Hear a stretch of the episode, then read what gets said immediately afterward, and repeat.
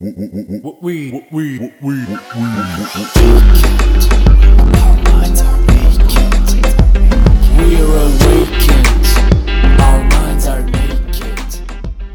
svima, ja sam Promukla Martina Đokić, a vi slušate podcast Mentalni nudista.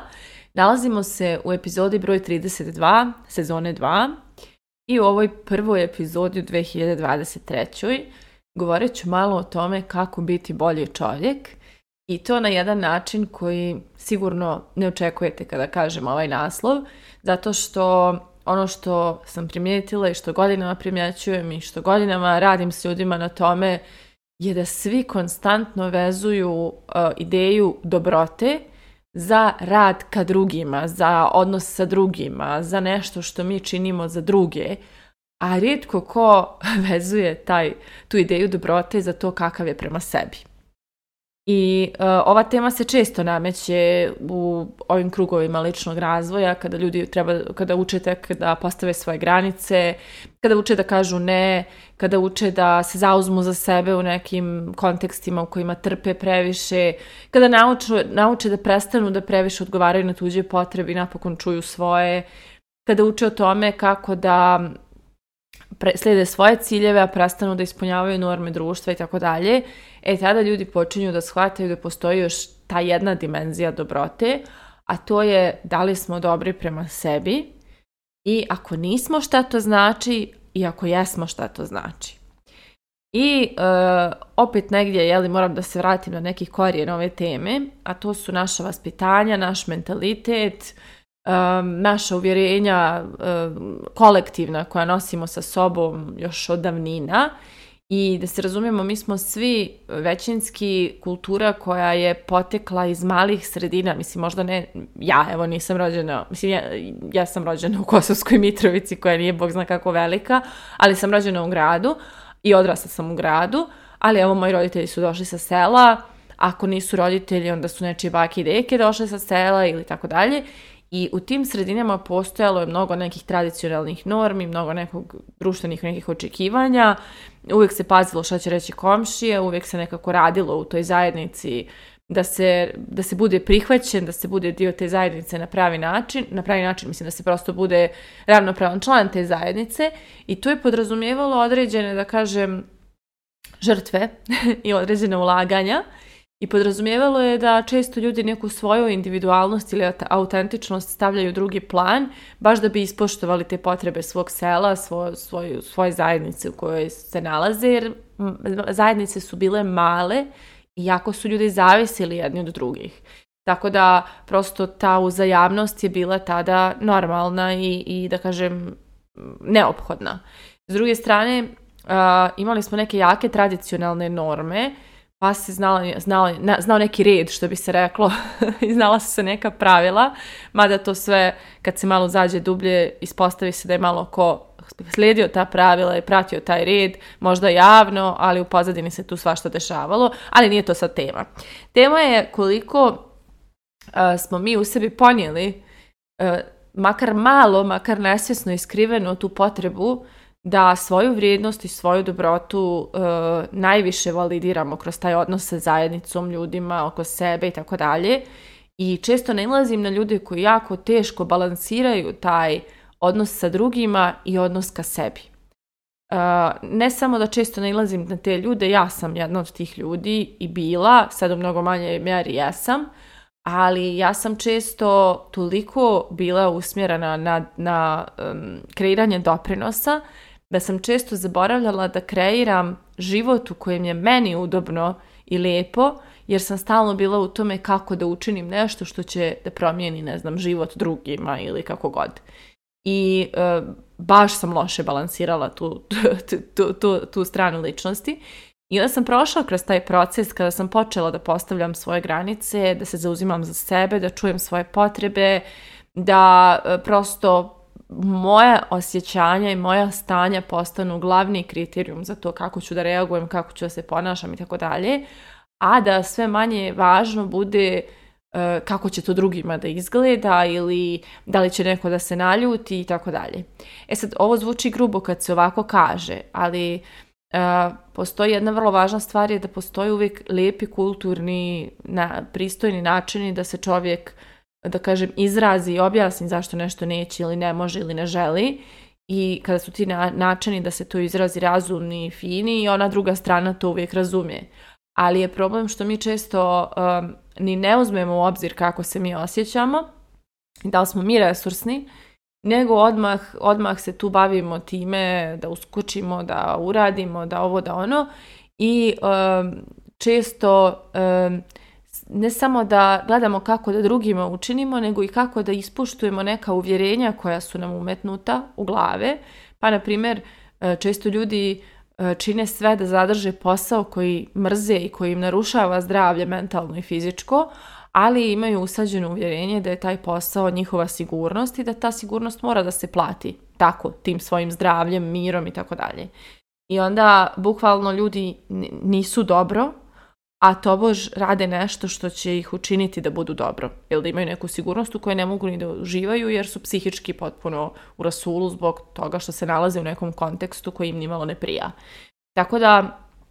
postoji tu mnogo, mnogo nekih perspektiva u kojima mi često zapostavljamo to kako smo mi. Znači jedna od tih perspektiva je upravo to odnos sa drugima i naša potreba da drugima valjamo, a druga perspektiva je taj odnos sa našim uvjerenjima koja smo, da kažem, pokupili kroz život ili od rođenja pa nadalje, a koja često znaju biti vrlo toksična i tjerati nas da radimo stvari koje su nauštrb našeg dobrog stanja i nauštrb naše,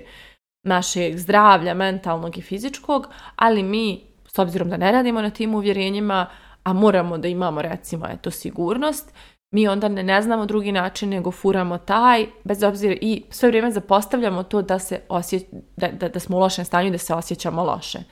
Isto postoji taj moment, ne znam, sa vezama, e, prijateljstvima, gdje ljudi ostaju u odnosima u kojima odavno nisu srećni, u odnosima u kojima e, ne vide više ni sebe u, dobrim verzijama, odnosno, da kažem, ti odnosi u njima ne bude neku dobru verziju njih, ali ostaju iz nekih strahova, ne znam, da će ostati zauvijek sami, da neće nikad, da nemaju snage da upoznaju nekog novog ili šta god, ali i tu, da kažem, e, prave ogromne kompromise i cjenkaju se sa svojim mirom i dobrim stanjem, jer e, imaju uvjerenja koja ih plaše da povuku neke druge korake.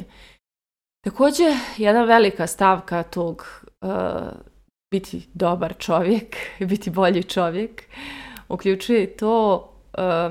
koliko smo mi resursni i koliko su naše navike te koje, da kažem, brinu o nama. Jer ono što, kada malo zađete u neke kvalitetnije navike života, kada malo počnete da se bavite svojim mentalnim i fizičkim zdravljem i prehranom i ne znam, baravkom u prirodi, meditacijom, molitvom, što god ko voli, ali kada malo uđete u te neke više da kažem, s više strana podržite sebe,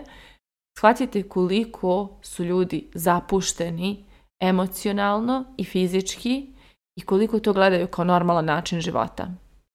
I koliko ljudi zapravo ne kanališu svoje emocije, ne vode računa o svojim lošim stanjima, ne, ne, traže pomoć da razriješe neke teme koji ih dugo more, a s druge strane i na tom nekom fizičkom nivou E, jako sebe loše tretiraju i, da kažem, na neki način polako se ubijaju. Znači, gomila bolesti koje danas živimo su, što se kaže, lifestyle bolesti, odnosno bolesti životnog stila, koje nastaju i dolaze od toga što su se ljudi loše ponašali prema sebi. I onda često gledam te ljude koji su tako u rasulu i nisu dobro i ni emotivno ni fizički, ali i dalje se bave time kako da valjaju drugima.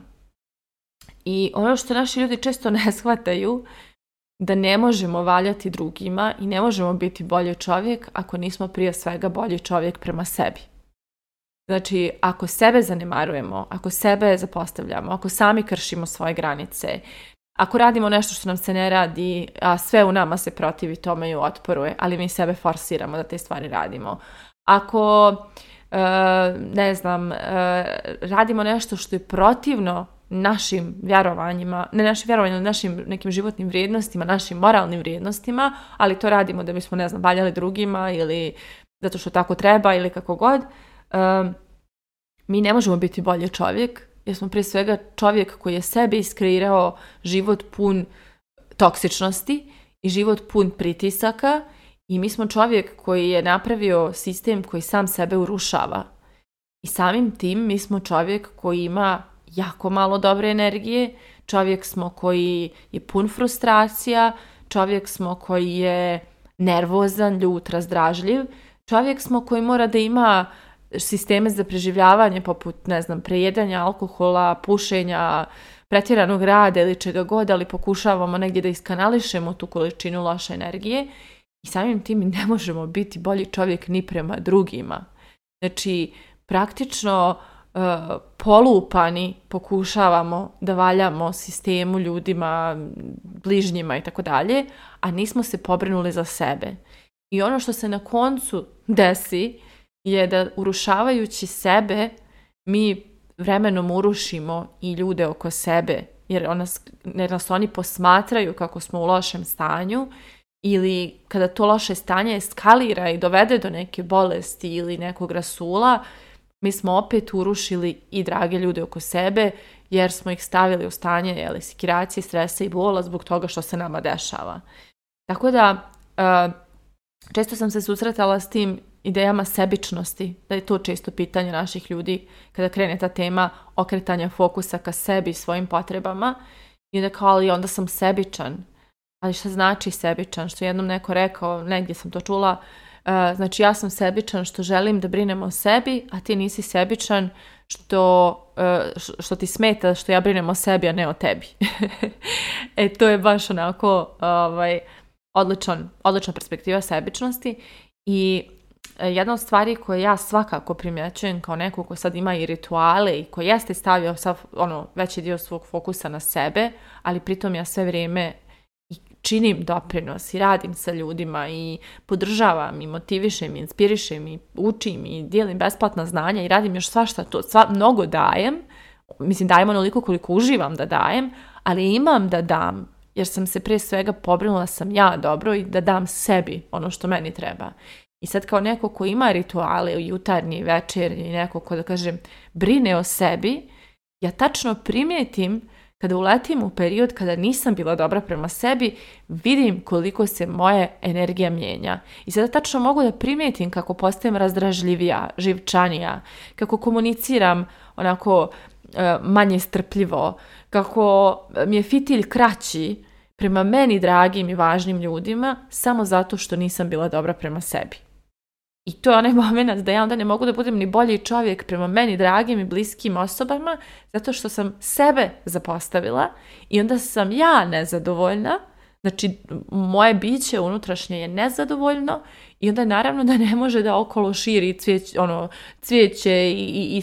i i ne znam nija dobru energiju kad je u deficitu. I taj dio biti bolji čovjek, toliko ljudi zanimaruju, a to je osnova toga da budemo bolji čovjek je da mi prvo budemo dobro. Da prvo se pobrinemo, budemo bolji čovjek prema sebi. Da promijenimo način na koji pričamo sa sobom u svojoj glavi. Da promijenimo način na koji odgovaramo na svoje potrebe. Da li ih ugnjetavamo ili, ili ih čujemo pa smo tu da ih ostvarimo. Da promijenimo način na koji se odnosimo prema svojim granicama